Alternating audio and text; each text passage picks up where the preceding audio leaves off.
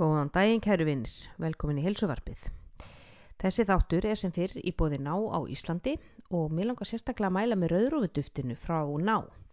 Núna auðvitað vilja allir bæta útaldi sitt, bæði í rættinni og í lífinu, líða vel og finna orkun að flæða um skrokkin en án þess að keira okkur upp af einhverju koffinni og örfandi drikkjum og, og vera algjörlega výraður að gerfi orku.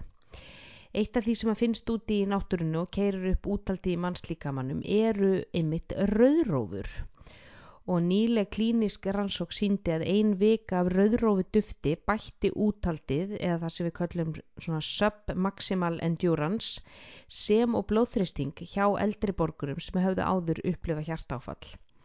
Rauðrófu safi hann opna nefnilega upp blóðflæðið og flytur súrefnismetta blóð til vöðvana á meðan væfum þannig að þú getur reyti á þessi náttúrulegu ferli líkamanns í gegnum rauðrófusafan til að fá aukið úttalt og kristi aðeins lengur út í þólæfingum. E, ég er búin að vera að slurka rauðrófusafa núna und, undafarið og e, margir er erfitt með bræðið. E, ég þar á meðal finnst þetta stundum eins og að vera að drekka mold en ég blanda bara rauðrófu við e, einhvern e, góðan drikk, til dæmis e, kristall eða einhvers konar sótavatn eða jafnvel uh, go-go drikking góða, go-go snow sem er í kvítudósunum og mér finnst það alveg gorgeous kombo. Uh, Rauðrófi duft fæst á náfoods.is og það er heima síðan með fróðuleik og greinum og ráðleggingum um uh, vörur frá ná og þar má þetta vestla allar vörur frá ná á einum stað. Eins fæst hann í háverslun, háverslun er á Linkálsi 13 og einni er á háverslun.is og þá er hægt að panta panta heim og það svona á þessum COVID tímum er það auðvitað mjög góðu kostur. E, og í háverslun fáið þið einnig fyrir flottu Houdini e, útivistaförur, þið fáið Speedo, þið fáið Nike, þið fáið Converse og háverslun var að setja af stað nýja heimasíðu sem er alveg geggjuð. Þannig að skráið ykkur endilega í klúpin þar og fáið 15% afslátt. Nú í þessum þætti þá er ég að tala við Björgvin Karl Guðmundsson, BKG eins og kannin kallar hann. Nú Björgvin Karl það nú örglega af alla að, að kynna fyrir, fyrir neinum en ég gera það nú samt, hann er einn skærasta kartkins crossfit stjarnar okkar Íslendinga. Hann hefur náttúrulega tvís að ná þeim frábæra árangri að standa á palli á heimsleikunum, lendi í, í þriðja sæti, hann er búin að keppa á heimsleikunum síðan 2014 og Björgvin er má segja konungur hveragerðis og þar eh, svona dagstaglega þegar hann er ekki að spæna upp eh, keppnisgólf einhver staðar í Ameríku þá er hann að æfa, uh, þá stendur hann vaktina á gólfinu í CrossFit Hengill sem að bróðir hans og mákona eiga og reka, þar æfir hann og þjálfar. Nú í þessu spjalli okkar fórum við um víðan völl hvað var þar þjálfunans, undibúningin fyrir Open sem er úrtökumóti fyrir heimsleikana, hvað veikleika hann er að vinna í, hvað ráðleikingar hann gefur svona okkur sótsvörtum almóanum og hvernig hann spjallar við sjálfans í haustnum á meðan hann þjösnast í gegnum æfingar sem að myndu leggja okkur hinn hin, hinnar döðlegu verur bara gjörsamlega á hliðina. Þetta var frábært spjall við grjótarðan en samt svo ótrúlega ljúfan og jarðbundin dreng. Ég vona að þið njótið jafnvel og ég gerði. Gjöru þið svo vel.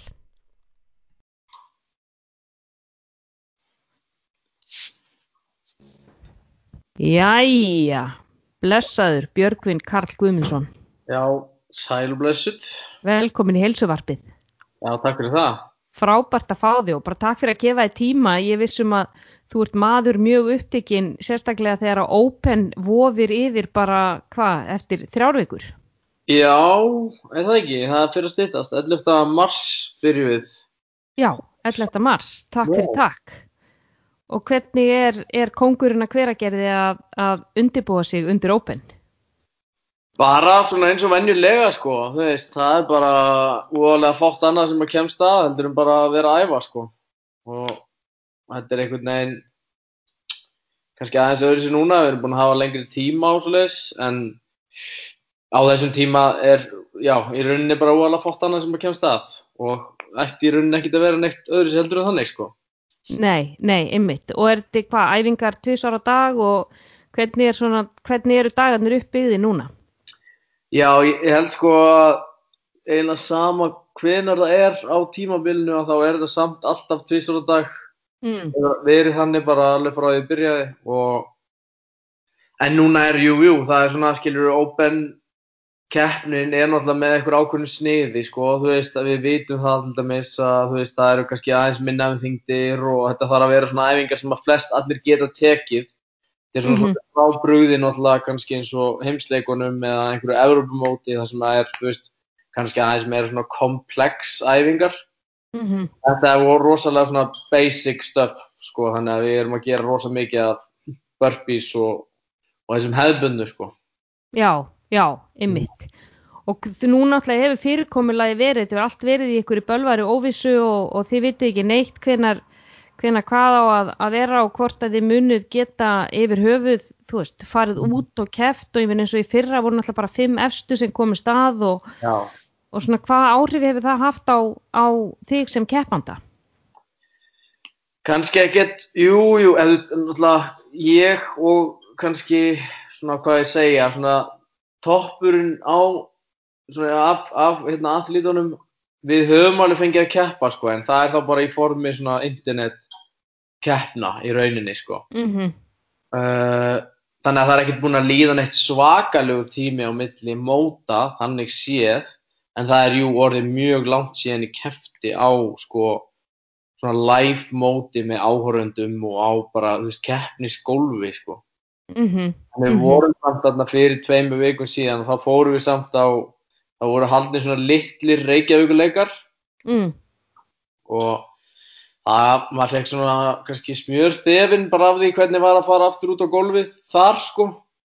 Já, En ég hugsa að fyrir svona flest alla þá hafa þeir ekkert gert neitt síðan bara þannig í lok 2019 sko. akkurat. Þannig að það hefur algjörlega vantað þessa næringu sem þið fáið frá trilltum áhörunda líðnum Já, sem að er að hvetja ykkur áfram. Það er nú kannski svolítið annað og, og dapurlegra að vera aðleitna að filma sig eitthvað inn í crossfit hengli já, og engin að, nákvæmlega, ég meina e- akkurat og, og ég meina þa- þó að það hafi verið og sé alltaf sko partur af kemnistímbilinu að þú veist, gera svona eins og open og svo leiðis að þá er samt einmitt þú veist, þessar keppnir síðan framundan með vorinu og, og yfir sumarið og, og það er ekkit endilega bara fyrir þá sem er að komast á games. Þetta er, var líka orðið þannig að þeir sem að voru svona þú veist, up and coming og svo leiðis þeir gátt alveg verið að taka mót í Evrópu þó þannig að það sé samt ekki sko þó að það sé ekki þannig mót að þú komist undir inn á heimsleikana en þú gast samt verið að fá reynsluna skilur á svona freka góðum mótum bara þú veist fullt af mótum sem haldin eru út um allt í Evrópu sko en það hefur náttúrulega alveg bara köttað á það og það er svona það er kannski þeir sem hafa ekki fengið neina reynslu svona síðasta eina og hálfa árið í rauninni sko. mhm, mhm, Mhm. Já, einmitt. Og nú held ég að þurfi nú svo sem ekkert að kynna þig neitt ítalega fyrir hlustendum heilsuarpsins en þú ert náttúrulega búin að vera dóminerandi í sko karla deildinni í CrossFit núna undanfærin ár, ég menn þú keppir fyrst hvað 2014 er það ekki á, á CrossFit leikunum? Já, já, einmitt Já, og, og hefur náttúrulega bara svolítið átt sviðið hvað kallana varðar, því ég meina við vitum það að við skvísutnar eigum nú, eigum nú alveg nokkrar þarna flottar á gólfinu en, en, en þegar að kemur að kalladildinni þá hefur einmitt verið svolítið hörgull á og, og sér þú einhverja svona upprennandi stjörnur í grasrótinni núna, nú ert þú þjálfar í CrossFit hengli eða ekki? Jú, jú Já, og svona þegar þú horfir yfir sviðið yfir, yfir crossfit svona senuna á Íslandi, sérðu einhverja svona sem að getur verið arftakar þínir? Já, já, það er einn og einn, sko. Um, og svona samt búin að vita af þeim, eða það er rauninni kannski svona einn strákur sem að kemur upp í hugan á mér, hann hafi verið í garðabænum. Uh, en ég er svo sem búin að vita, það er ekki eins og hann samt endilega verið að koma eitthvað upp núna, en, en er samt, jú, veist, orðin miklu betri núna heldur en að var, þú veist, fyrir tveimur árum síðan og hvað þá þremur og er ennþá ungur, fættur held í 97 eða 98 Mm -hmm. Þannig að það er nóg eftir í honum alveg klálega en svona fyrir utan það, þú veist ég get ekki nefnt tíu manns skiluru, svona eins og ef við færum okkur aftur um kannski 6-7 ára, þú veist, þá var Katri Tanja að koma og það var Sara að koma og þú veist það var Þurriur Helga og, og þessar stelpur sem að þú mætti svona kannski búast við því sem að þær síðan gerðu, komuðu þarna upp, stigu upp og, og, og er að kvalifæja á heimsleikana. En svona strákameginni mitt hefur þetta verið bara að það hefur verið minna um það og ég get náttúrulega, ég raunin ekki svaraði sko hver ástæðan er endilega fyrir því sko. Ég veit ekki alveg hvað það er sko en það eru klálega stelpunar, það eru skrefum á undan okkur í rauninni sko. Það. Já, það er alveg merkilegt að sjá hvað eru margar, margar stelpur sem hafa náð sko þetta langt í íþróttinni sko erlendis Mm -hmm. á meðan að það virðist einmitt vera svona eiginlega bara þegar maður nefnir strákana þá er það eiginlega bara þú sem kemur upp í, upp í hugan.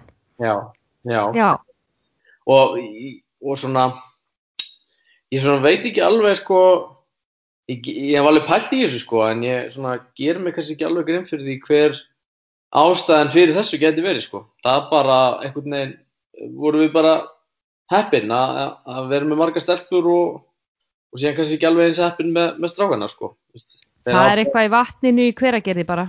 Það lítur að vera sko, það bara lítur Já. að vera. Þeir kannski veljast kannski inn í einhver önnur sport frekar, skilur þú veist, ég veit það ekki, kannski heillar aðeins minna og maður sé nú samt rosalega mikið af strákum æfa þetta og en, en og alveg jafn mikið um sko kannski íþrótafélögin, þú veist, fótboltinn og handboltinn og svona og þú veist, þeir eru að æfa en það er aðalega samt til þess að verða sko kannski betri bara í sínu sporti sko Já, ekkit endur að fara eitthvað lengra með crossfitið Næ, þannig að það er að nota crossfit sem æfingaform en Mhm. ekki sem sína íþrótt. Nei, já, nákvæmlega, nákvæmlega og maður Mm. sé meira um það núna sko að að kannski styrta þjálfarar hjá félögum. Erum fann að hafa kannski aðeins meiri trú á crossfit núna og hvað það getur hjálpa til við uppbyggingu veist, í, í þessum uppbyggingatímabilum hjá eins og fótboltanum og handboltanum og, og fleirum sko. Mm sem er alveg fyndið, sem er svona, veist, það er, það er breyting þar á klálega, þú veist, maður sér meira af þessu gerast núna. Þú veist, þetta var alltaf, kannski fekk ekkert, eða var með svona, þú crossfit eins og allt nýtt sem að kemur, með svona smá óvara á sér svona til að byrja með og þetta er svo svaka hættulegt og svona. -hmm. Það er svona, það hefur róast. Já, Sú umræða hefur klálega róast. Já, maður, maður tekur eftir því að svo umræða hefur róast um það að crossfit sé, sko, fólk lappi bara út bara með brjósklós bara eftir fyrsta tíma og, og allir sjúkraþjálfarar hafi bara byðlista út af því að allir sé í crossfit. En það er, er það minnst þess að það hafa svona aðeins róast. Ég held að, ertu kannski sammála því að þjálfara levelið eða svona kröfur til þjálfara hafa líka aukist. Algjörlega. Og það eru svo Mm. margir núna komni með bara alvöru reynslu sem þjálfarar í CrossFit. Svona á þessum tíma sem að var mikið verið að tala um þetta, þá voru það kannski ekkert svo rosalega margir sem voru konið með eitthvað reynslu. Og þú veist, í raunin er það þannig að þú getur tekið þetta level 1 námskeið sem er, heil, sem er bara eina helgi og að þú nær prófinu og þá ert þú bara í rauninu og er þjálfari. Og maður kannski skilur það og þú veist, jú, jú, það var örgulega þannig að, að þjálfarar á Íslandi voru með bara ekkert sérstaklega mikla reynslu en núna er náttúrulega komin mikil reynsla í rosalega marga og það er náttúrulega bara að skila sér, alveg klálega. Mhm, mhm, einmitt, einmitt. Og þú ert sjálfur þjálfar í CrossFit hengli sem að þú áttir það ekki með bróðinum. Sko, já, þau eiga stöðuna, sko, ég er bara yfirþjálfari hjá þeim Já. og búin að vera það núna bara alveg síðan, já, við opnum, mér langar að segja, ég man ekki alveg hvori megin það er, hvort það sé jólinn 2012 eða janúar 2013, þetta er svona um áramótin þar. Og, Já, alveg sjö, á, átta, átta, nýja ára gömul stöð. Já, í rauninni sko. Vá. Þetta er alveg búið að vera batteri hjá okkur í mjög langan tíma og alltaf verið þarna á sama stað í, í rauninni íþrótósinu í hveragerðinum að það er í kjallaranum á íþrótósinu í hveragerðinu. Það var sko bara félagsmyndstu. Já, félagsmyndu unglinga. Já, það var Mm. uppalað það og svo svona setni tímum þá voru fullt af hljómsveitum aðeins hvort það ekki hafi verið skítamúrall eða eitthvað. Nú, nú, já, já. Eða, Nei, sál, nei, ekki sálinn. Ég held skítamór ætlaði að vera að æfa þarna niðri, já. Skímó hafi tekið rótrip frá Selfossi til Hvergeris til að berja húðir. Ég minnist, já, ég er nokkuð vissum það að þeir hafa verið að æfa þarna, sko. Mm -hmm. Og ásamt fleirum, sko. Mm Þannig að þegar við komum og, og erum að byrja, byrja með stöðuna þarna niðri, sko, þá stundum mættist þetta á, sko, þannig að það var hljómsveitaræðing og, og crossfitæðing á sama tíma, sko. Já, er það? Já, þá þurfti maður ekkert að kveikja á tónlistinni, sko. Þá hlustuðu við bara á þá sem voru að spila í næsta herbyggi, sko.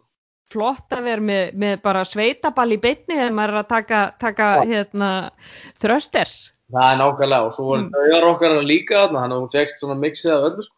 Já, e, dauðar okkur nú ekki slæmt þegar maður er að, alveg í dauða tegjunum í einhverju votti.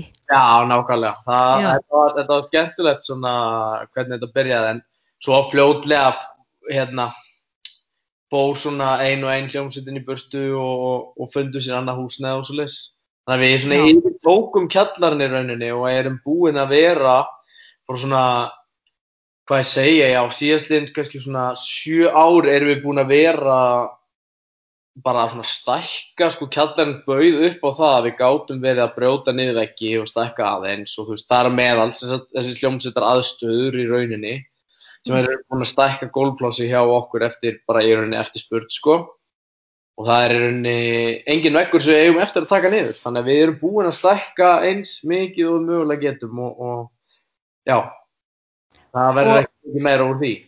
E, og eru þið að sprengja kannski af ykkur húsnæðið? Já, við getum alveg sagt það svoleið, sko, alveg klálega Mhm, mhm, það hérna eru svo náttúrulega byrjaði þannig að það voru náttúrulega meir og minna hvergeningar sko sem voru komið til okkar.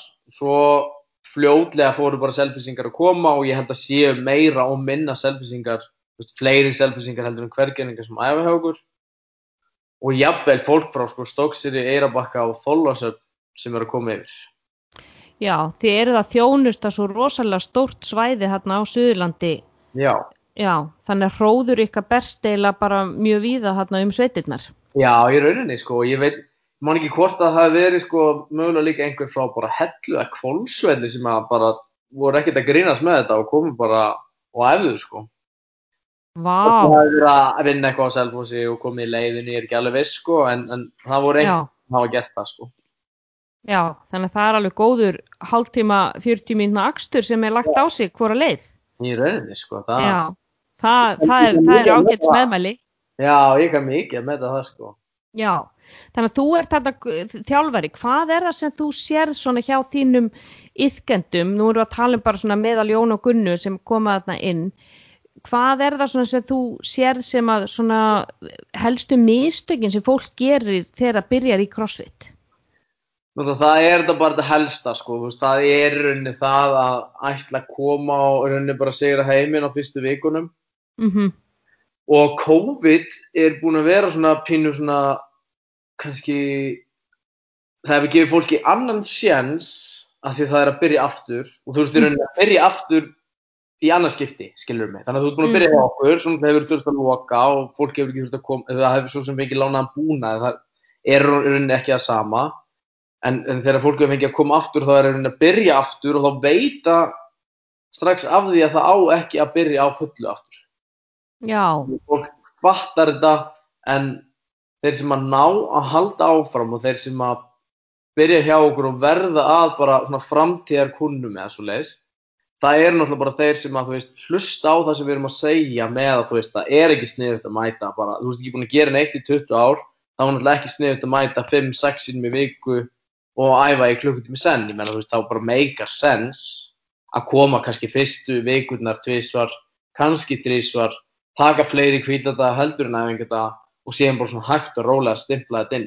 Þetta er voðalega auðvelt að segja þetta og ég held að væri allir sammála mér að, að þetta er rétt sem ég er að segja en það er oft bara meirinn að segja það. Fólki langar svo mikið, þú veist, það finnur á grunnnámskeiðinu sem það þarf að taka hjá okkur til að byrja með að það verða framför, til langar að fara að mæta strax eftir grunnnámskeið og þú kannski mætir aðeins og oft og þú veist, ert kannski að sinna sem er eðlilegt, kannski recoveryinu aðeins minna á móti. Mm og þar leðandi fer svona pínlítið overboard. Það finnst mér vera bara svona aðal ástæðan fyrir því að þú, þú kannski tollir ekki eða þú meiðir þig aðeins eða sem að þýði það að þú þarfst í rauninni bara að hætta eða stoppa, þú veist, mhm, og þú koma aftur tilbaka og, og svo kannski líka annað fólk svona kannski á það til að veist, vilja æfa, koma en sinna síðan kannski endurheimtinni minna heldur en það ætti að gera sko. já, einmitt, Það finnst mér líka vera kannski pínlítið meiri þróun hjá stöðunum og þjálfurum að þeir vita og geta komið þessum skilabúðum auðveldlega til fólks og sína fólki hvernig það ætti, að, hvað er ég á ég að gera til þess að recovera, hvernig á ég að æfa ef að ég er orðin þreyttur og mér langar að æfa eða alls konar svoleiðis hlutir sem að svona maður, það er náttúrulega engin eins og maður reynir svona personu gera í rauninni hvert atvik fyrir sig, þannig séð sko. mhm, En yfir helgina mm -hmm. þá ætti þetta alltaf að vera þannig að þú skilur bara egoið eftir hérna við, við, við hurðina þegar þú kemur inn og þú svona reynir að taka svolítið mikið til þín hvað maður er kannski að reyna að segja. akkurat, akkurat. Og það er, ég, ég líki svo oft saman við sko þegar maður fyrir sólalanda. Já, þú veist að þá þú, það þýðir ekkert fyrir þig að, að, að sko rífa þú úr öllum spjörunum og henda þér á ströndin og ætla að vera elgslega tanaður á fyrsta degi nei, þetta er nákvæmlega sama. Já, þú brennur bara í spað og þú fer bara upp á, upp á gjörgæslu og svo ertu bara bleikur og flagnaður og svo ferðu bara heim já. þannig að þetta er bara svipað eins og ef ég ætla að fara núna, ég er kyrsetumadur eftir 20 ár og ég er svolítið bara að byrja í crossfit bara 1 fyrir og 7 og, og bara Já. keira á 6 dag í viku og bara no days off og bara beast mode og ég veit ekki hvað og hvað Já, þá náttúrulega kemur bara að því að þú brennur út og, og það verða bara meðsli og þá þá auðvitað dettur út að sjálfsög, það er nákvæmlega. Ég að þetta sé bara svona, veist, hvort sem að þetta eru íþróttir eða bara vinnan þín eða bara eitthvað sem þú að gera daglega. Så þetta snýst allt um þetta, þú veist. Þú þarft alltaf að kúpla þig inn, þú þarft alltaf að láta þig venjast hlutunum áður en þú getur fara að gera þá af einhverju meira intensity eða oftar, skilur þetta er bara.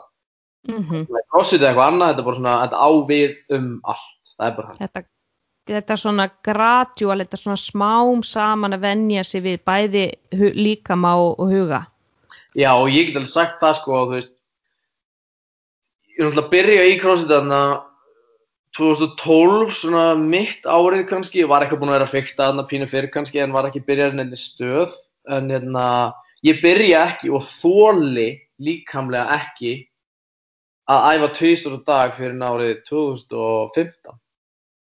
ah, það tekur þið alveg þrjú ára að vinna þið upp í það Já, vegna þess að mér fannst alltaf betra að taka þá, þú veist, jú, jú, gerði kannski aðeins meira heldur en svona average Joe, en það var líka því að ég er búin að vera í íþróttum frá því mann eftir mér. En ég hafði þetta samt alltaf bara eitt session, þú veist, og ég gæti þá frekar bara svona aðeins lengt í því, gert bara eitthvað svona pínlítið meira eftir á. Mm -hmm. En fengi síðan bara fullt recovery þá til næsta dag sem voru þá nánast 24 klukkutímar, 22 eða Mhm. 21 eða eitthvað. Þannig að mér fannst það virka mikið betur til að byrja með að því mér fannst alltaf svo óþægild að hita upp aftur, set annað skiptið yfir daginn, skilur, kólna, koma aftur niður, byrja að hita upp, þá svona fann maður svona svolítið eins og já, ég er ekki tilbúin til að, til að fara í þetta annað session eða þessi að, aðra æfingu dag og hjælt mér þá bara, fyrir, ég var alltaf að prófa það sko, það er ekki eins og ég hafi ekki pröfað það. En ég hjælt mér þá bara fyrir eitthvað í svona aðeins lengra kannski bara einu sessioni bætti bara eitthvað pínlítið við og þannig svona vann ég með einhvern veginn áfram. Og þann, það, ég mitt, tók alveg einhvers þrjú ár þangar til að ég fór að venjast í að geta eftir tvisar á dag. Já, og ég veist, við hugsaum um það, ég var samt bara, ég var mjög, veist, ég var bara 20 ára já, þú veist, 21 eða eitthvað, veist, mm alveg í, með klikka recovery og þú veist, var að hugsa, já, sæmilega kannski næringuna en, en mjög vel um svefnin hins vegar. Þannig að já, veist, þetta tekur bara tíma, þú þarft alltaf að kúpla þig einhvern veginn inn í það sem þú ert að gera, sko. já, algjörlega og það er, er einmitt eins og með, með sko þetta að æfa tvisar á dag. Ég man að maður gætt gert þetta hérna 23, 4, 5 ára. Já, en sko kona sem er að vera 42 ára glemdi því það er bara, það er bara ekki að fara að gerast sko. Þannig að maður finnur það líka með aldrinum þá fyrir líka minn að segja þér nei veistu, þú, þú, þetta er bara of mikið og þú ætlar að vera í fullri vinnu og allt saman að, að það er líka þessi, það, það er líka hausin að sko móti vera hann eins og segir sko í það að fara og hita sér aftur upp, koma sér aftur í þetta mental ástand, nú er ég að fara að berjast við játnið þú veist, að, að ég get, gat gert það hérna í morgun, ég þarf að gera aftur núna og það er svona, það kemur eitthvað svona innri, innri spenna. Já. Finnur, finnur þú fyrir, fyrir henni ennþá í dag?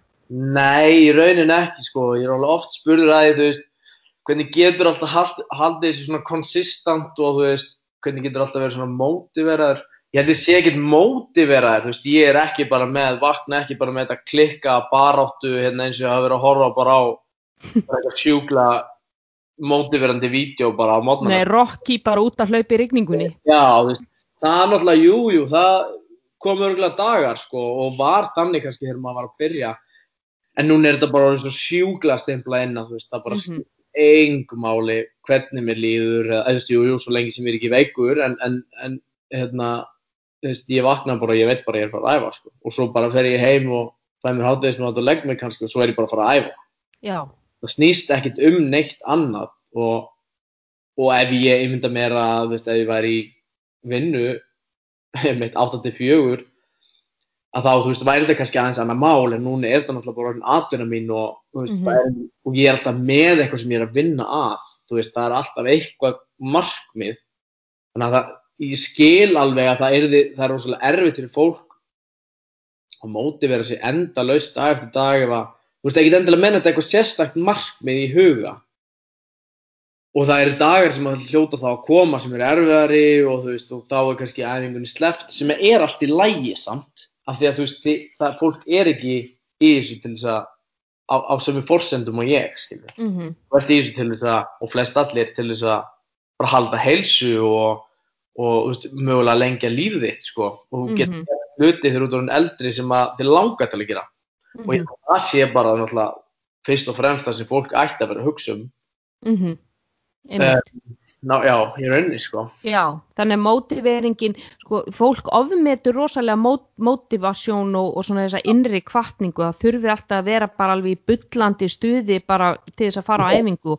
Og við vitum það sem að erum náttúrulega búin að vera í þessu bröltandi þessu í, í sko tvo áratugju að, að það er ekkit alltaf þannig. En um leið og sko, þú veist, motion sets of emotion, þannig að þú veist, um leið að maður kemst í ganga þá kemst maður oft í þennan gýr, þú veist, en þú ert ekkit eitthvað urtlandi mótiveraður endilega þegar þú ferð að stað. nei, nákvæmlega.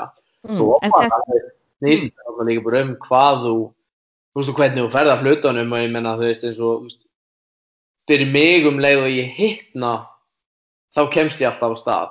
Mhm, þannig að það skiptir mjög ótrúlega miklu máli að ég hiti ótrúlega vel upp sé klári það sem ég er að fara að gera en ef ég myndi bara æða inn í gymmið og svo færi ég bara í að gera eitthvað þunga hnébæður og ég væri ekki búin að hita upp þá er þetta alltaf einhvern veginn svona stíft og styrt og við svona nota uppbytununa til þess að svona, já, þetta er að fara að gera og svona hægt og rólega, bara svona kúpla minni efingun og svo bara byrja, skilur Já, einmitt. það virkar rosalega vel Præma taugakerfið, præma hausinn, præma líkamann fyrir það, ok, nú erum við að fara að sigla inn í þessi átök, en, en það gerir svona hægt og róli. Ég man alltaf að hann talaði um þetta Ólafur Stefánsson, handbólta þjálfari, hann var sko, sagði ég er sko í 35 mínútur að hita upp og strákarnir er löngu byrjar að spila og ég er ennþá þarna gamli kallin út í hotni eitthvað að reyna að koma mér í gang og ég var svona á þessum tíma ég bara já, hvað voðalega er hann eitthvað styrður svo Já. núna er ég alveg að tengja við hann sko, því að Já. þetta er bara, þetta er hálftíma að ég er bara svo gammal traktor eða bara eitthvað gömur sláttuvél sem að þarf að, hýfa í gang nákvæmlega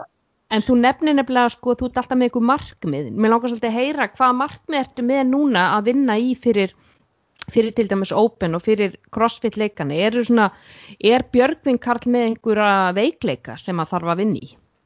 Alveg 100% og ég er með svona, kannski við getum flokkað þetta kannski tvo flokka, það er í rauninni hvað ég er reyna að bæta mig í utan æfingana og það getur verið ímislegt, það, hvort sem að tengist næringu, svefni eða bara einhverju í daglegu lífi, sko, þá er maður alveg svona ágætlega meðvitaður um það held ég hvað ég þarf að varast og hvað ég þarf að passa mig á að gera og hvað ég reyni að veist, bæta mig bara sem persónu kannski. Og svo er það hins vegar náttúrulega á æfingunum þú veist, hvað, hvaða reyfingu þarf ég að vera betri í þú veist, hvaða hluti af í rauninni crossfitinu ég er að reyna, reyna að bæta. Sem dæmi núna þú veist, ég sem er kannski ekki nýtt en ég svona, hef verið að reyna að bæta liðleika mikið og ég hef, já, ef þú myndir sjá mig 2012 miðan við núna þá er náttúrulega bara gigantískur munur. Og þetta er eitthvað sem ég þarf alltaf að vera svona freka vakandi yfir, þú veist, ég var kannski ekki, ég fekk það ekki í guðskjöf að vera svona, já, fá svona 100% mobility eins og einhverjir sem að koma kannski inn í þetta, Mm. uh, en ég fekk alveg ímislegt á móti og ég þarf þá alltaf að huga svolítið vel að því að ég sé að hreyfa mig vel, ég sé að, þú veist, já, fara í hreyfiferðlana mjög rétt og svo hins vegar, eins og til dæmis kannski utanæfinga, þú veist, ég þarf að passa mig að gera ekki of mikið af því að þegar ég er ekki að æfingu að, þú veist, þá veit ég á að vera að kvíla mig. En ég er svo vís til þess að fara að gera eitthvað sem að þreyti mig. Mm skilur fyrir æfingu nummer 2 eins og ég, held að pæli að þurfa að fara að gera eitthvað. Og ég þarf ekkert að vera að gera neitt, ég á ekkert að vera að gera neitt skilur -hmm. já, ég veit það ekki, bara kannski færi að vinna bara í einhverju úti eða bara færa til eitthvað og vesenast og, og e- eitthvað svo, að gera svoleiðis skilur sem ég ætti kannski ekki endilega vera að gera og myndi kannski frekar nýta á æfingadöfum að þú veist þetta snýst svo sjúklega mikið um það hjá mér allavega á milli æfinga sé ég að reyna að recovera bara eins mikið og ég mögulega geta því nú er ég bara að fara aftur eftir þú veist klukkutíma og korter sko þú veist, ég Mhm. kom heim klukkan 11 og svo fekk ég mér að borða og svo er ég að tala við þig og svo er ég bara að fara aftur Já. þannig að hlutin þurfa að vera í svona svolítið rauð reglu og ég þarf að borða rétt um tíma og alls konar svona og ég svona hef und, bara yfir alla æfina einhvern veginn svona kannski ég hef ekki borða nóg og ef ég borði ekki nóg þá er ég mjög pirraður og Mm yfir í skapinu sko. Þú verður hungry. Já, mjög og svona bara, já, þú veist eins og ef ég ætla að segja sögu að þá, þú veist, var þetta alltaf þannig að þegar ég var í grunnskóla þá var kennarinn alltaf með þrús ykkur í borðinu, sko, ef að ég, Til, a, til að henda í þig ef, að þú, ef þú varst með læti. já, það kallaði hann bara upp og gaf mér eitt, eitt, eitt svona móla, sko. Já. Já, já, Björgur minn, nú, þú, nú þarf þú að fá þér inn að smá, smá sigur. Nú ert þú orðin, orðin leðilur. Þetta er svona, minnum hann á hérna snikkersauðlýsingarnar þegar þú, þeir verða svona einhverja dýfur. Já, já, já, Já. já.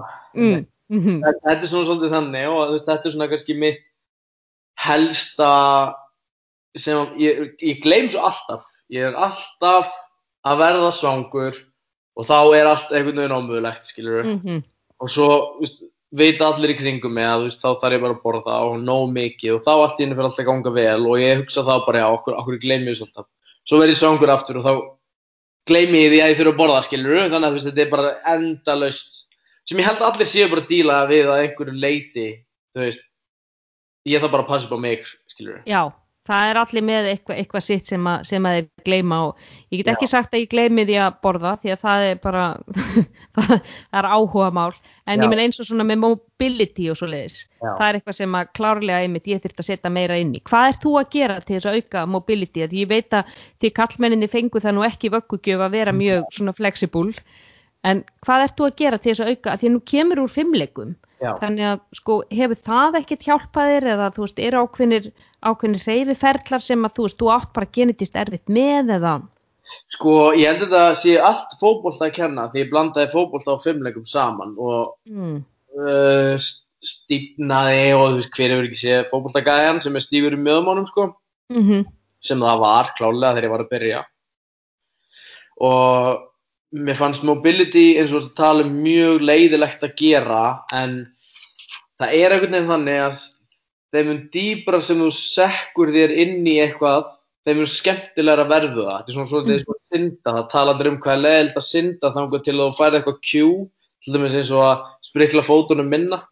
Þá allt í henni verður miklu skemmtilegra að synda. Þetta er svona svipum með mobility og ég reyndi bara að verða svona svolítið mikill svona student of the game og bara stúdera þetta gæðveitt mikið. Og bara fylgjandi bara einhverjum gaurum sem að er að gera hluti bara liðleikalega séð sem að ég bara, þú veist, bara amazed yfir. Og pikka út alls konar stöf sem þeir eru að gera. Og verð Mm. svona, ég bara trykka minni að fá á einhverju sem ég hef engan áhuga á. mhm, mhm, það finnst mér virka og þú veist til dæmis eins og þú veist, í rauninni fyrir hvert einasta sesjón að þá fer ég inn á eitthvað, ég fer inn á Instagram yfirleitt hjá mér og skoða eitthvað sem ég er búinn að seifa. Eitthvað sem Mm. kemur oft upp á fítinu sem er svona eitthvað langar að heldur sniðar að einhver fyrir meðmyndar og þá seifa ég það. Og svo Mhm. gerir ég það. Og ef það er ekki virka fyrir mig þá noti ég það ekki. Ef það er að virka eina af þessum veist þá implementa ég það svolítið inn í það sem ég er að gera. Mhm, þannig að ég mann að það ástæði fyrir ég svona fattaði að gera þetta er að því við vorum með einn freka klikkaðan liftingaþjálfara til að byrja með á ferlinu mínum og hann talaði alltaf um og sagði mér alltaf og hann senda mér miljón alltaf þegar hann var á Íslandi þá bara síndi hann mér bara klukkutíma af efni um weightlifting, þá meina ég ólimpíska liftingar mhm, maður fengi svona bara, þetta er bara beint í æð hvernig þetta er hjá þeim bara langbest í heimi og bara svona sagan í kringum þetta og svona ósælátt þá bara hef ég bara sjúklega mikið áhuga á olimpísku liftingum og veit geðveikt mikið um olimpísku liftingar og þar leiðandi varð betri í olimpísku liftingum skilur. mhm, já, þetta er svona, já, þetta er svona svolítið mannist sko, en það er líka þarf svolítið að vera þannig held ég. Já, maður þarf náttúrulega að fá sjúklega ástriðu fyrir, fyrir hlutunum til þess að haldast í þeim ár eftir ár eftir ár eftir ár. Já. og einmitt að verða svona svolítið ástfangin af þessu, sko, af þessu leiðinlega. Því að þú veist, þetta er ekki alltaf, alltaf bara keppni og gaman og, og, og stjörnuljós og, og einhver áhörundaskari því að veist, þetta er líka ógeðslegur þriðjudagur í februar þar sem ég er að fara inn í eitthvað mobility og gera sama snatsið aftur og aftur og aftur og aftur. Þannig að það er, það er oft það sem að aðskilur þú veist íþróttamennina frá hinnum að, að þeir, þeir fara og gera þetta leiðinlega sem er bara grunnurinn fyrir þú veist eh, flott heitin sem að við síðan sjáum Nákvæmlega og ég meina keppnirnar og fagnaðalætin og það er bara svona reward, skilu, það er bara vellaunin fyrir það að hafa nákvæmlega nefnt að gera þessar hluti sem að þú nefndir ekki að gera, sko. Nei, einmitt.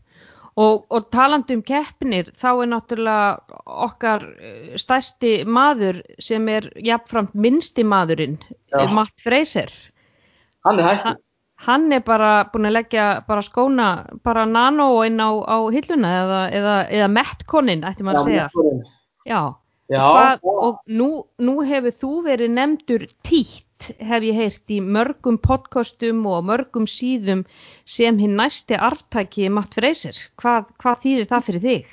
Það er sem fyndið sko, ég er svona kannski, jú, ég er náttúrulega klárlega contender og fyndið að sko mídjan kannski taki við sér núna og fara að nefna mig, ég menna þú veist, ef þú ert bandaríkjamaður og ert með podcast og þú veist, margir af svona þessum heitustu podcastum eru, já, jú, frá bandaríkjunum og jú, svo sem einhverju frá Európu, en það myndi halda svona þeir myndu bara pikka allir með svo Nóa Olsen eða eitthvað svona kana sem er upp þeir líka. Mm þeir eru náttúrulega svaka góðir sko. En það er mjög gaman að fá að maður sé og það stressar mig akkurat ekki neitt sko að vera nefndur eitthvað svona og veist, það setur ekki einhver auka pressu eða eitthvað heldur þetta bara mjög gaman og maður fagnar í rauninni bara allri umfjöllun af því að hún hefur nú ekki verið neitt sérstaklega merkileg en þess að ef að í stráka megin þá fær náttúrulega Freyser og síðustu fimm ári er þetta bara búið að snúast um hann og, og svona stelpum megin ef það kemur eitthvað frá Íslandi þá er það yfirleitt stelpunnar og maður fellur svona Mhm. yfirleitt svona þessi skuggan af þeim sko. -hmm. Ég er bara að fagna allir í svona umræðu og það er alveg satt og ég menna ég, ég er ekkit að ljúa ef að ég segði að þú veist markmið er náttúrulega bara að vinna heimsleikana og þú veist ég er búin að komast mjög nálagt í tvö, á, eða, tvö skipti þarna þegar ég endaði á palli 2015 og 19 Mm og þú veist, ég væri ekkit að þessu bara til þess að hanga eitthvað í topp 10 og leika mér sko Nei, nei, nei. Nei, þú hefur ekkert farið niður fyrir átta alveg núna í nokkur ár. Ég menn, þú lendir hérna tvisar á palli þriðja, þú 2015 og 2019 og Já. svo ertu alltaf þarna uppi við topp 10 eftir það. Já, Já, en er bara 2014 sem að ég er 2070 og svo öll árin fram til þessa árs er það top 8, já.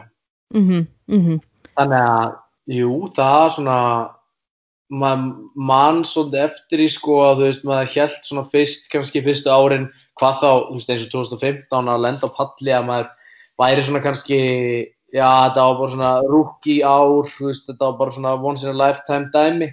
En ég er alveg búinn að stanna það á sína, þú veist, ég er náttúrulega bara búinn að vera klárlega einn mest svona systant athlet bara síðan CrossFit var í rauninni fundið upp, sko. mhm, Fyrir utan kannski Freyser og, þú veist, ef við tekjum Ritz Froningan inn og, þú veist, einhvern veginn eða tvoði viðbót og, þú veist, þá erum við svona bara nokkri sem sér um þessum titli, sko. já, Það mjög gaman, en það er svolítið, ég, já, ef ég reyni þetta ekki núna og ef ég ger þetta ekki að 100% þá held ég alltaf eftir að sjá eftir ég hafi ekki bara gert allt 100% og allavega gert mér besta til að vinna, sko. já, því að þú ert alveg með 100% potential, þú ert þarna í hópi, ég myndi þess að segja Noah Olsen, Patrick Wellner, þú veist, Scott Panchik og tvíburónir, Já. ég meina þetta er ekki margir menn sem að þú ert að keppa við og, og sem að sko þið nartið allir í hælan hver öðrum, þannig að ég sé það alveg að BKG er að fara, fara að vera þarna á einhverjum palli, sko, Já, já, já, já. já, alveg klálega. mm. Þetta í er rauðu skiptinni, í rauðu skiptunni, það ég nú. mm. Mm. þetta er bara já, þetta er búið að vera, mér finnst sko alltaf eins og ég sé underdog skilur eins og ég sé svona eins og ég sé alltaf einhverju sem að er kannski með meira spotlight á mér og það er kannski að því að það hefur verið svo leis mér finnst alltaf eins og sé nýbyrjaður í sporti sko Mm. svolítið eins og að ég, já, mér finnst þetta bara alltaf ja, gaman og svona alltaf jafn gott eftir á og líður yfirleitt ekki vel nema bara að ég sé búinn að kála mér á einhvern hátt Mhm, mhm. og ég held einhvern veginn að það hafi bara alltaf verið svolítið, bara frá því að ég man eftir mér sko. En getur verið að þú finnir, finnist þú vera, nú kemur sálfræðingurinn upp í mér, Já.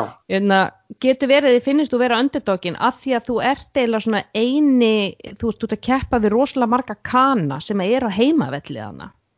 Já, alveg 100% og þú veist, til að byrja með var það náttúrulega, voru svona kannski, já, maður var nú ekkert mikið svona að reyta af sér bröndverunum, sko, í viðtölum og svo leiðis, skilur það, því maður var alltaf svona kannski pínu feiminn og að tala ennsku var mikið issue svona til að byrja með og þú veist, allir í kringu þið eru bara reybrennandi og þú veist, allt mm mikið sens fyrir þeim og það var oft bara erfitt svona fyrstu árin að aðtapna sig bara því að ég hreinlega bara var stressaður og bara, þú veist, skildi ekki þetta fór bara inn um eitt og út um heitt, sko, og, og svona síkaði ekkert mikið einhverja umfjöllunni eða aðtegli eða neitt svoleiðis. Mér langaði alltaf bara til þess að sína fram á hvað ég gæti bara með, skilur, performance. Mm Það er að vera Mhm. leita með einhverju aðtegli með einhverjum, veist, það er svo margir sem hafa gert þetta með einhverjum brandara og komist í, þú veist, svona umfjöllununa af því að hafa gert eitthvað sem er skrítið eða eitthvað svona. Það var aldrei verið eitthvað svona uppi hjá mér, sko. Mér er alltaf bara langað til þess að svona, mér er alltaf langað sjúklega mikið bara til þess að dominera, algjörlega -hmm. og, og vinna á þann hátt, einhvern veginn, Já, með því að koma mér einhvern veginn upp í einhverju öðru heldur en ég er, skilur. nei, þú ert ekkert að skreita þig eins og einhver páfugl til að komast í einhver viðtöl, sko. Nei, nei. Nei, nei. Og það er náttúrulega mjög fyndið þegar þú vannst þarna mörf að því að sko mörf er náttúrulega amerískara en bara sko, þú veist, pulsan sko, þannig að veist, að þar bara tekur hana í nefi og þér er bara sama, þú veist. Já, já, Mhm. já, já, ég átti náttúrulega ekkert að vinna þetta vot, sko, að, að þeim, sko, í rauninni, þetta var svona sett upp þannig að, jú, jú, ég hugsa að direktorinn, Dave Castro, hafi svona gert sér það upp að það væri líklegast einhver kani að fara að vinna og hann færi í viðtal eftir mörf og myndi þakka þessum mörf, þessum hermanni sem að þessi æfing er nefnd eftir fyrir þjónustuna, skilur Mhm. við erinn og, og þetta allt söguna í, í gegnum þetta. Mm -hmm. En þú veist, ég, já, sagði bara að ég væri bara þarna til þess að eignast pening og svo lappaði ég bara í burtu og þeir bara, Já, heyrðu, þetta var eitthvað skrítið viðtal, sko. Þetta var ekki alveg að sem það átt að fara að mæra hérna ameríska fánan og glorifæja allt bara land og þjóðin. Já. Þú kemur hann inn og segir bara, já, ég var nú bara að gera ykkur nýpiður og pull-ups og eitthvað. Já. Já. Þetta var svolítið svoleið, sko. Svolítið fyndið, en já, ég, þetta var rosa mikið samt stökk fyrir mig, sko, að vinna þessa kepp, að vinna þetta bót. Þú þarft alltaf held ég á ferlinum, sama hvað þú ert að gera, og þarft einhverju svona viðurkenningu á því hversu góður þú ert, Mm uh, en ekki alltaf bara ljúga sjálfu þér að þú sett bestur, sko, þetta er svo Mhm. snýst um það, maður er alltaf að segja maður sér bestur og svona skilur, þá til maður byrjar að trúa því, -hmm. En á einhverju tímapunkti þarftu náttúrulega við þessa viðurkenningu og hún kom á svolítið góðum tíma með því að vinna mörf og þetta ég svona tók þetta svolítið með mér bara inn í keppnina, inn í næstu keppnir.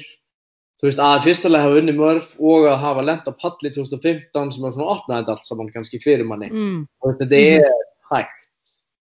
-hmm. ég hugsaði alveg á tímabili þú veist þegar ég var að keppa 2014 og þá hugsaði ég svona já, þú veist ég endaði 2017 2014 og hugsaði svona já, væri gaman að þú veist halda áfram og vera þessi gaur sem er svona rétt fyrir utan topp 10 af því ég veit það náttúrulega allir sem eru topp 10 eru náttúrulega bara styrm skilur við og svona Mm. maður að, að, að því að það var svo sjúklega oft langt í menn að maður búin að heyra þetta í kringur sig að þú veist, já, bara allir sem eru topp íþróttamenn í sama hvaða sportið það er, þeir eru bara að nota einhver ólefni og svona einhvern veginn kannski stimplaði þetta mann svona óvart inn í mann sem ég sé mjög eftir að hafa trúað. En þetta opnaði síðan árið 2015 mikið á hversu mikið bull það er. Og Mhm. hversu mikið ég fekk þá bara alltaf já, herrbyrðu, what, ég er bara þriðið hérna. Það er enginn að svindla hérna, skilju það eru bara allir á jöfnum grundvelli. Mhm. og ég verð bara að ganga út frá því nema eitthvað annað sé sannað Mhm. ég, það væri náttúrulega ekkert gott veganesti fyrir mig að koma bara alltaf ár eftir ár og hugsa já, þessi þarna þeir eru á styrum skilur þú mig Já, einmitt. og, og svona, og svona það er líka bara svona, það er ákveðin svona, svona það er eiginlega ákveðin mindfuck sko, Já. þar sem að þú eiginlega býr til afsökun fyrir því, ég næ ekkert svona langt að því að hinn eru á styrum, þeir Já. eru með eitthvað forskot á mig sem ég hef ekki og þess vegna er ég ekkert að ná svona Já, langt og það er bara, þá ertu bara fokk í hausnum að þér Já.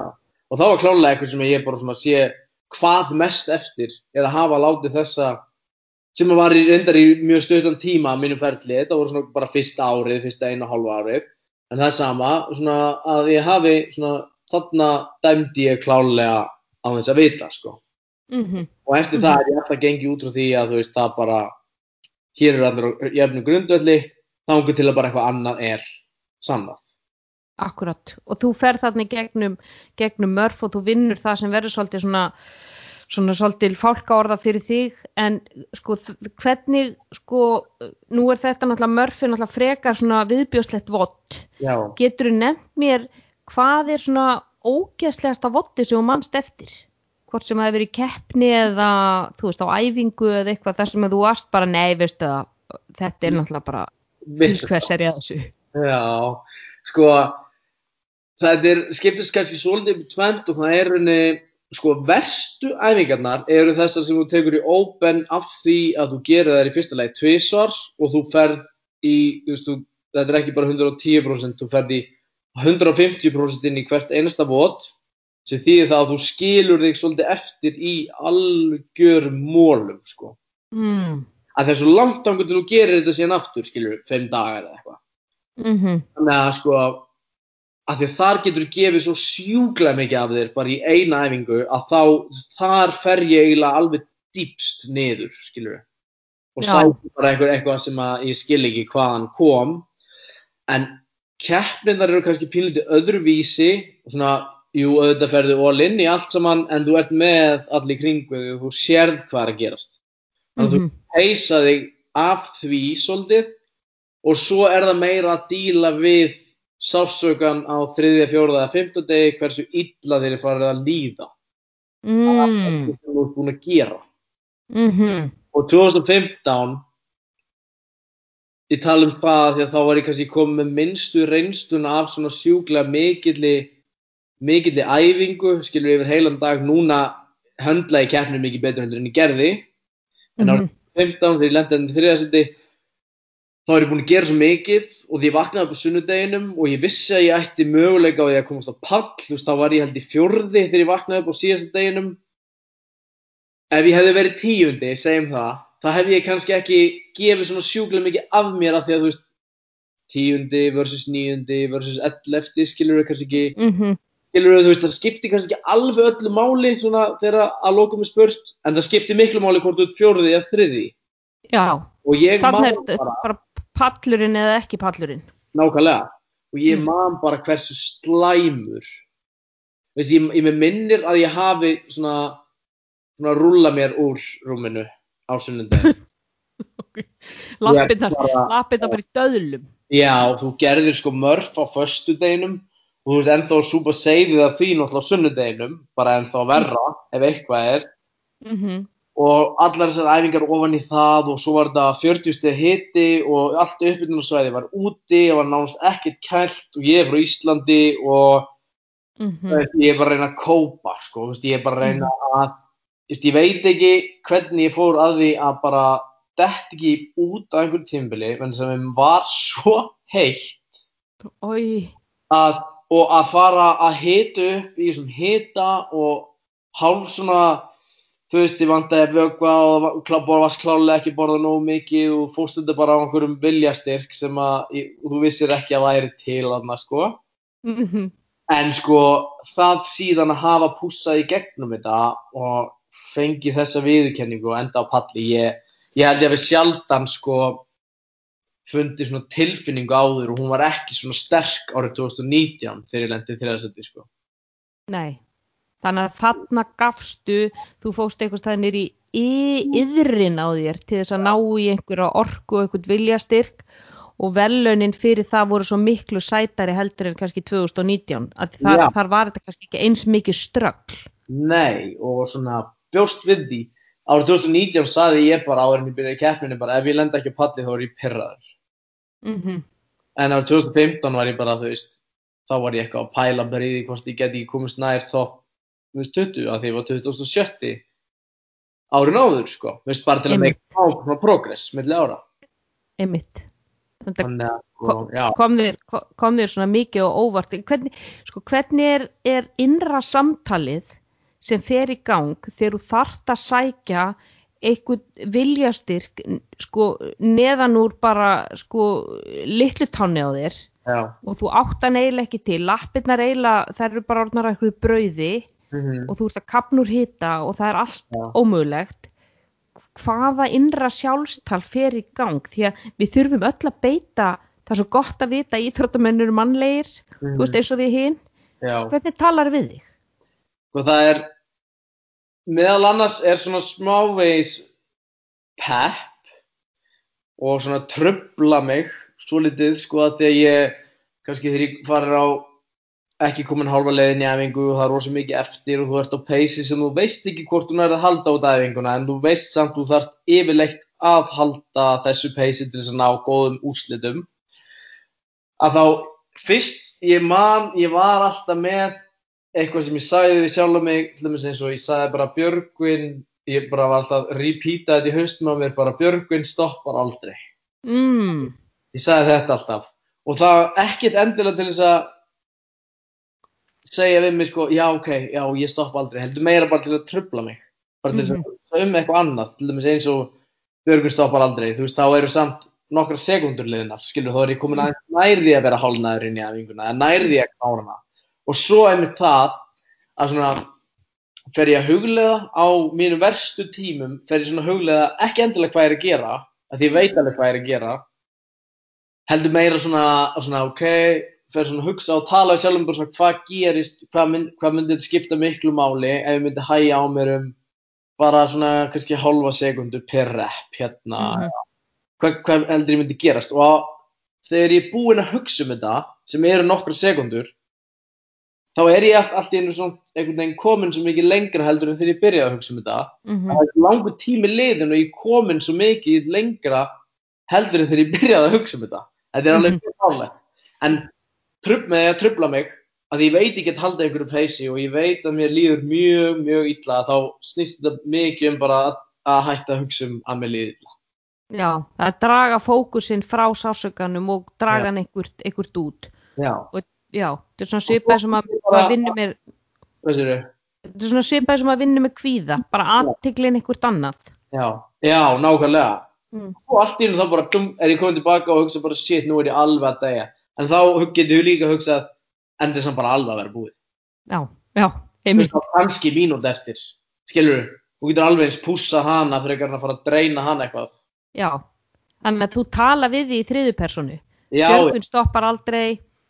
já, Já, já, og svo einmitt. talaði við mig einmitt, þú veist, eins og ég sé að segja, já, einmitt bara svona beint við sjálf mig bara, þetta er alveg að koma og við getum, svo kannski sjáum við bara til, ég sé alltaf við, já, svo Mm. sjáum við til hvort að við hægjum eitthvað á þegar við erum búið með þessa umferð. Og svo kem ég inn í næstu umferð og það er bara svona, já, þetta er samt allt í lægi, höldum bara áfram og sjáum svo bara hvað gerist eftir þessa umferð. Mm. Það að- ert í svona einhverju spjalli við sjálfa, það er eins og þið séu nokkrir þarna í einhverju spjalli. Já, við erum bara að fara yfir málinn á meðan Já. við erum að þessu, sko. Já, Það en er- hefur þú fengið einhverja aðstóð þarna, þú veist, hefur þú fengið íþróttasálfræðing eða einhvers konar coaching í þessu, þessu svona mentali, svona Nei. þessu, já, nei, Nei, ég hef aldrei gert það og það er ein ástæði fyrir ég að gera það ekki og það getur vel verið að sé böll. En af því ef ég hugsa að ef ég fer að flækja mikið fyrir mér, ef ég fer að tala mikið um það hvernig mér líður hér og hvernig mér líður þarna, að þá held ég að ég eigi bara eftir að ofhugsa hlutina ennþá meira. Ég eftir að þar ég að fara að brjóta þetta svona mikið niður. Þar ég að fara að segja svona, líður svona, þá er þetta og þá skilur við.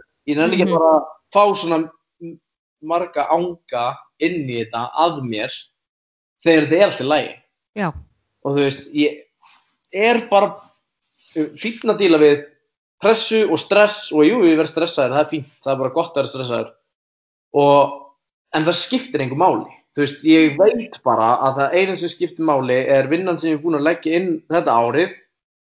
Þó ég sof ekki neitt þó að það sé eitthvað pínlítið að, pínlítið illt hér að þar, það skiptir engu máli svo lengi sem ég legg mig bara 100% fram og hef þetta eins sára einfalt og ég mögulega get. mhm, Og þess vegna hef ég ekki rýtsað til þess að fá að kannski input frá íþróttasálfræðing eða eitthvað, eitthvað svoleiðis en ég er náttúrulega samt í rosalega góðu sambandi við þjálfaran minn. Mhm, og ég visualize alveg. Mhm, og svoleiðis sem er kannski partur af því sem einhver myndi láta mig gera. En ég er ekki að böðlast mikið í tilfinningunum mínum sérstaklega þegar ég er að keppa. Þá læti mig bara vera eins og ég er. Mhm.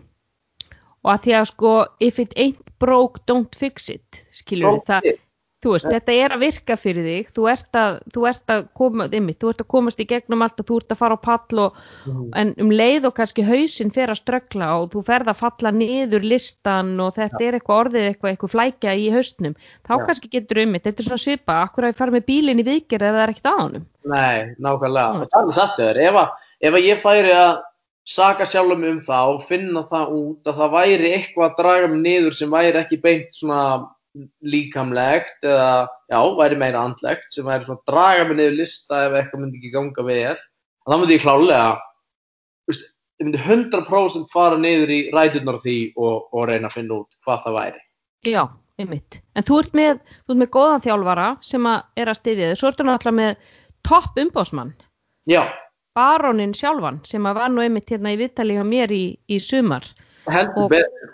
Hvað þýðir það fyrir, hann leifir mér bara að vera hann gerir mér kleift að vera bara ég og Mhm. hugsa bara um sportið og æfingarnar og um restina sér hann í rauninni bara og fyrir það er ég náttúrulega bara fáralega þakkláttur en ég veit ekki hvað hvaða tauga áfall ég væri búin að fá ef hann hætti við. Erum við þá að tala um, þú veist, eins og sponsora og allt, allt það eh, vesen?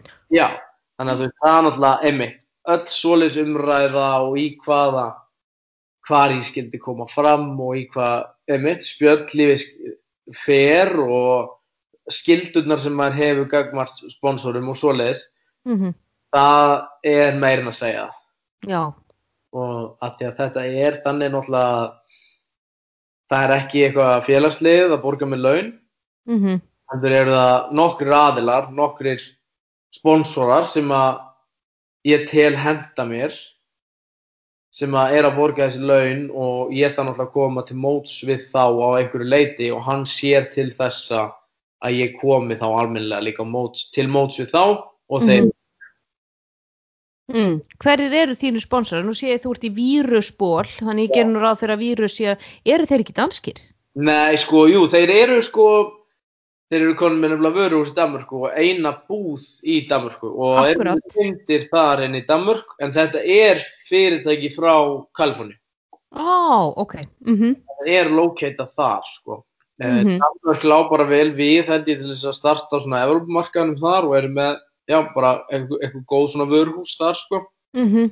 og já, og náttúrulega svo er þeir með náttúrulega evróska síðu og svoleið sem hægt er að panta í gegnum uh, það eru þeir, vírus svo hef ég verið með uh, sko, það eru alveg nokkrir ég er náttúrulega með ESK heyrnatól, sem er bara svona æfinga heyrnatól sem að Mm. haldast bara mjög vel við, þú veist, allt sem maður þarf að gera úti náttúrulega þú veist, fá frið á einhverju tæki og svoleiðis, sem náttúrulega henda mjög vel að vera með náttúrulega bara Mm um, svo eru við með Foodspring sem eru fæðbútarefnin Já, þau eru frönsk, er það ekki?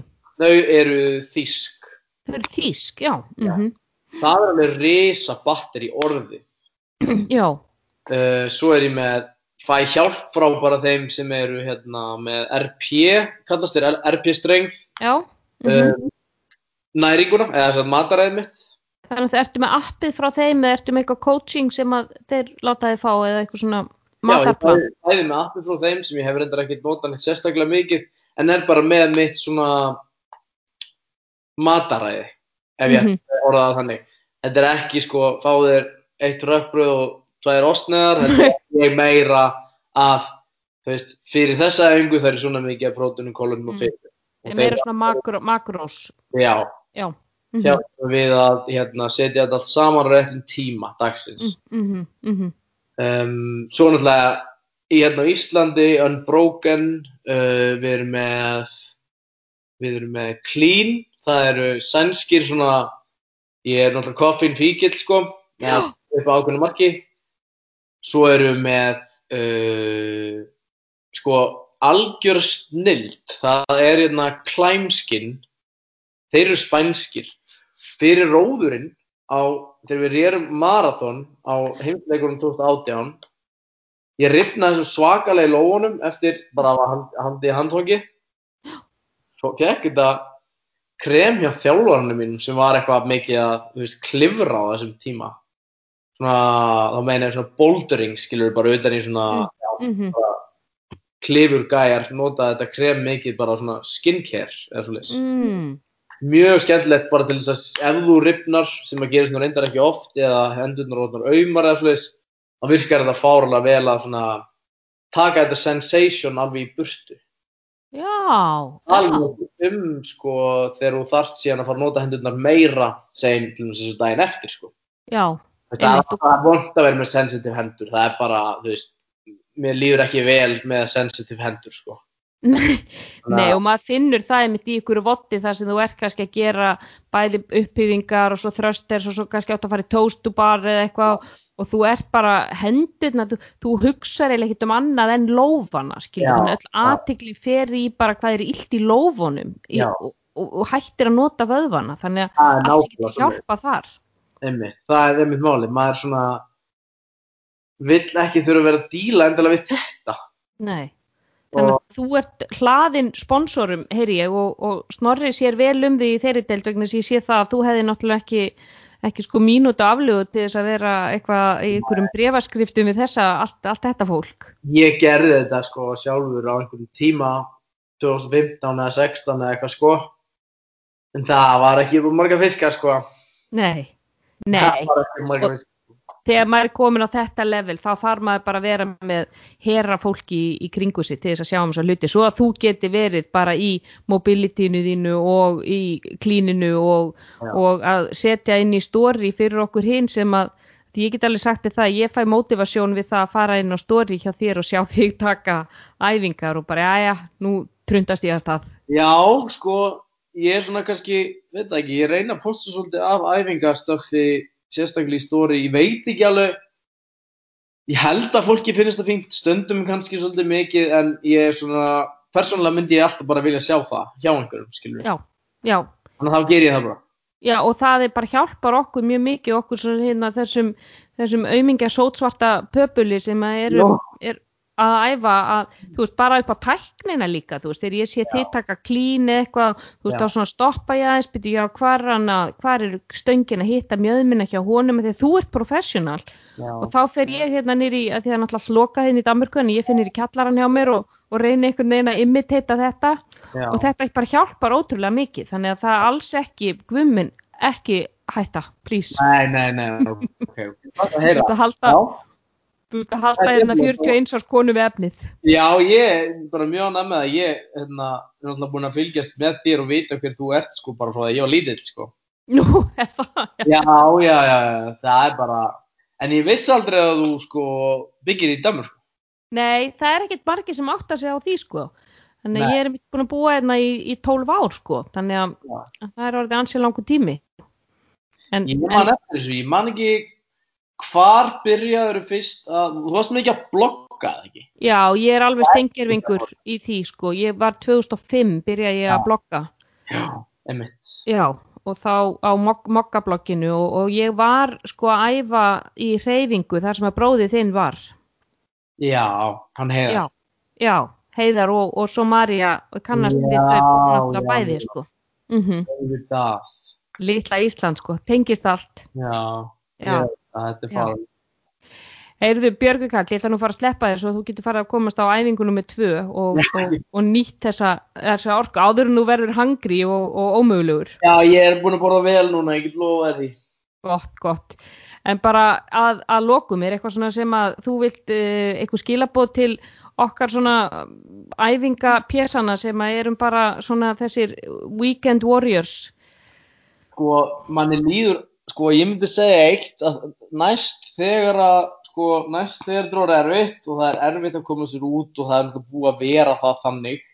Nú kannski tala ég ekki um þá sem er í Danmörku, sko, því að það er svolítið mikið loka hjá okkur en þá það ekki. Mm jú, En að bara rífa sér stað, sko, þú getur ímyndaðir bara hversu, sama hversu ömurlegt það hljómar að rífa sér af sófanum og koma sér á fyrstu æfinguna, það get lofa þér því bara um leið og þetta er búið, sama hvert effortið var og það þarf ekki að vera mikið til að byrja með. Að það verður svo mikið þessu virði og það verður svo öðvelt að koma sér á æfingu tvö, bara byrja. Sko. ó, þetta er bara dásamleg skilabóð. Verlunin eru alltaf, þeir eru alltaf fórnarina virði. Alveg já. Bara takk kærlega fyrir að gefa þið tíma og til ykkur hlustendur, takk fyrir að hlusta á heilsuvarpið og þangt til næst, veriði bless. Sjáumst á.